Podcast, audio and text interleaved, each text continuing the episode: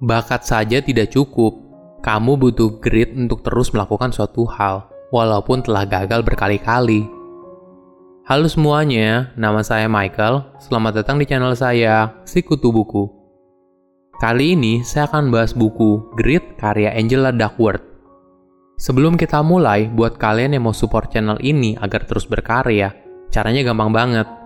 Kalian cukup klik subscribe dan nyalakan loncengnya Dukungan kalian membantu banget supaya kita bisa rutin posting dan bersama-sama belajar di channel ini.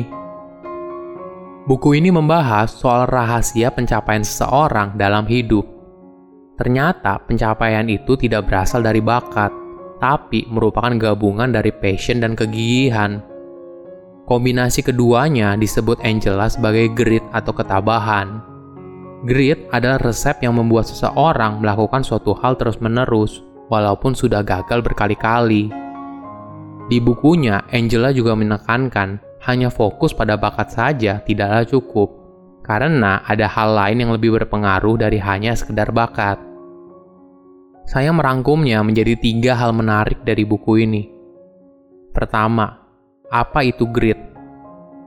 Untuk bisa masuk ke dalam Akademi Militer West Point di Amerika Serikat, ternyata jauh lebih sulit daripada masuk ke Universitas Harvard. Bukan cuma harus mencapai skor tertinggi, tapi calon taruna harus memiliki ketahanan fisik dan mental yang luar biasa. Walaupun begitu, tetap saja beberapa orang memutuskan untuk keluar setelah mereka diterima di akademi. Banyak psikolog berusaha mencari tahu kenapa ada orang yang bertahan dalam kondisi keras di akademi militer dan sebagian tidak. Ternyata, taruna yang berhasil melewati tahun pertama mereka di West Point memiliki karakter yang sama dengan orang yang berhasil bertahan dalam karir yang menantang. Karakter itu adalah grit. Sebagai informasi, West Point memiliki dua bulan orientasi taruna baru. Di masa ini, banyak taruna yang drop out Taruna yang bertahan merupakan tipe taruna yang terus bertahan dalam kegagalan. Ini adalah tipikal orang sukses pada umumnya. Mereka memiliki standar yang tinggi dan tujuan yang sulit diraih. Mereka memiliki passion yang tinggi, mereka bersemangat, dan tahu ke mana harus melangkah. Sederhananya, mereka menunjukkan karakter grit yang merupakan kombinasi dari passion dan kegigihan Menariknya, seiring bertambahnya usia, grit level seseorang juga meningkat. Pengalaman hidup mampu merubah seseorang. Kita belajar tentang apa yang kita suka dan tidak suka. Kita juga beradaptasi seiring waktu. Kita berubah jika diperlukan. Yang paling penting, grit tidak statis. Kita bisa mengembangkannya. Jika kamu ingin meningkatkan grit levelmu, Mungkin kamu bisa tanya ke dirimu sendiri terlebih dahulu, kenapa grit level kamu rendah? Banyak alasan orang untuk menyerah. Mungkin karena mereka bosan, merasa tidak ada gunanya, atau tidak percaya pada kemampuan diri mereka sendiri. Untuk mengatasi hal ini, Angela menyarankan ada empat ciri dari grit yang kamu butuhkan. Pertama, kesukaan lakukan hal yang kamu suka. Di fase ini, banyak orang awalnya coba banyak hal. Seiring berjalannya waktu, dia akhirnya tahu apa yang benar-benar dia sukai. Kedua, latihan. Sesuka apa pun kamu terhadap suatu hal, kalau kamu tidak latihan, maka kamu tidak akan berkembang. Latihanlah setiap hari hingga akhirnya kamu bisa menguasai keahlian tersebut. Ketiga, tujuan. Apa alasan kamu melakukan hal tersebut? Tujuan biasanya berbicara soal keinginan diri untuk berkontribusi terhadap hal yang lebih besar dari dirinya sendiri. Biasanya, seseorang menghabiskan bertahun-tahun mengembangkan keahlian dan minat mereka sebelum akhirnya menemukan tujuan hidupnya. Keempat, harapan.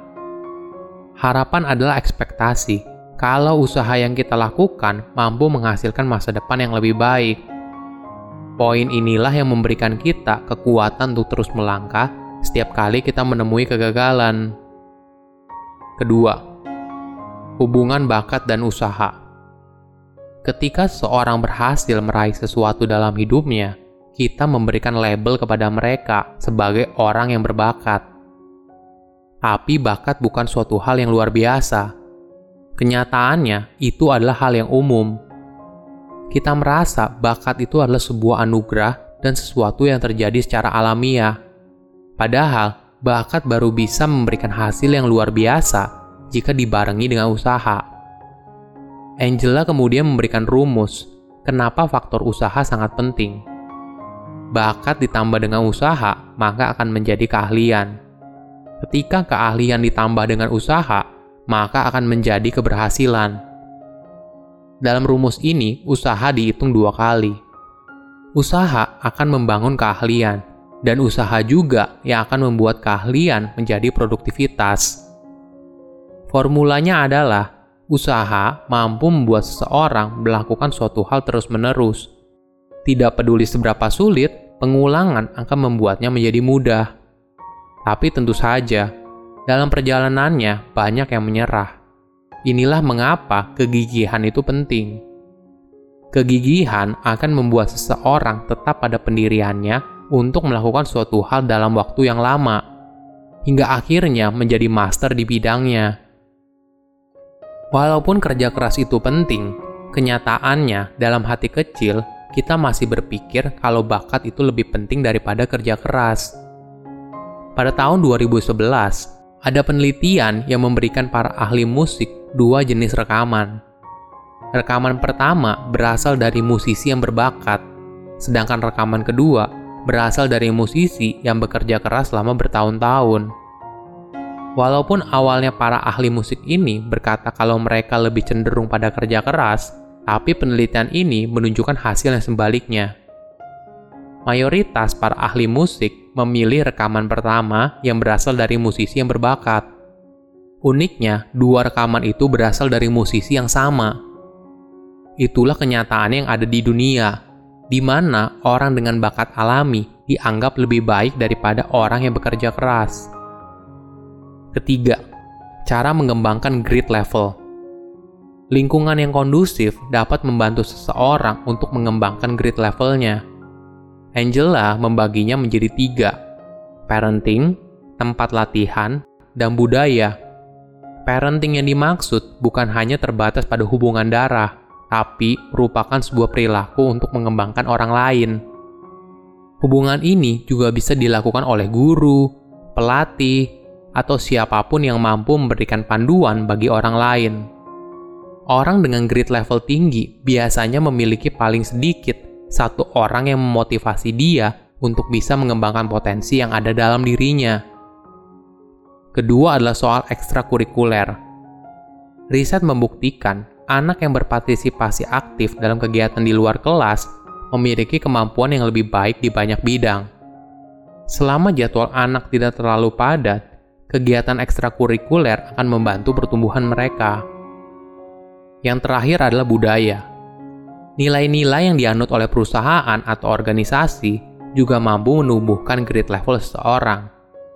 Sederhananya begini, jika kamu ingin hidupmu berubah, maka bergabunglah dalam komunitas yang tepat. Contohnya, jika kamu ingin rutin bersepeda, coba ikut grup sepeda kamu akan dikelilingi oleh orang yang memiliki semangat yang sama. Pada akhirnya, semangat mereka akan menular ke kamu, dan tanpa kamu sadari, akhirnya itu akan menjadi sebuah kebiasaan.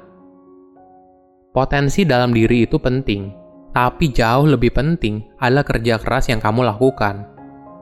Grit merupakan resep yang membantu kamu terus berjuang walaupun kondisi tidak mudah. Silahkan komen di kolom komentar pelajaran apa yang kalian dapat ketika baca buku ini. Selain itu, komen juga mau buku apa lagi yang saya review di video berikutnya. Saya undur diri, jangan lupa subscribe channel YouTube Sikutu Buku. Bye bye.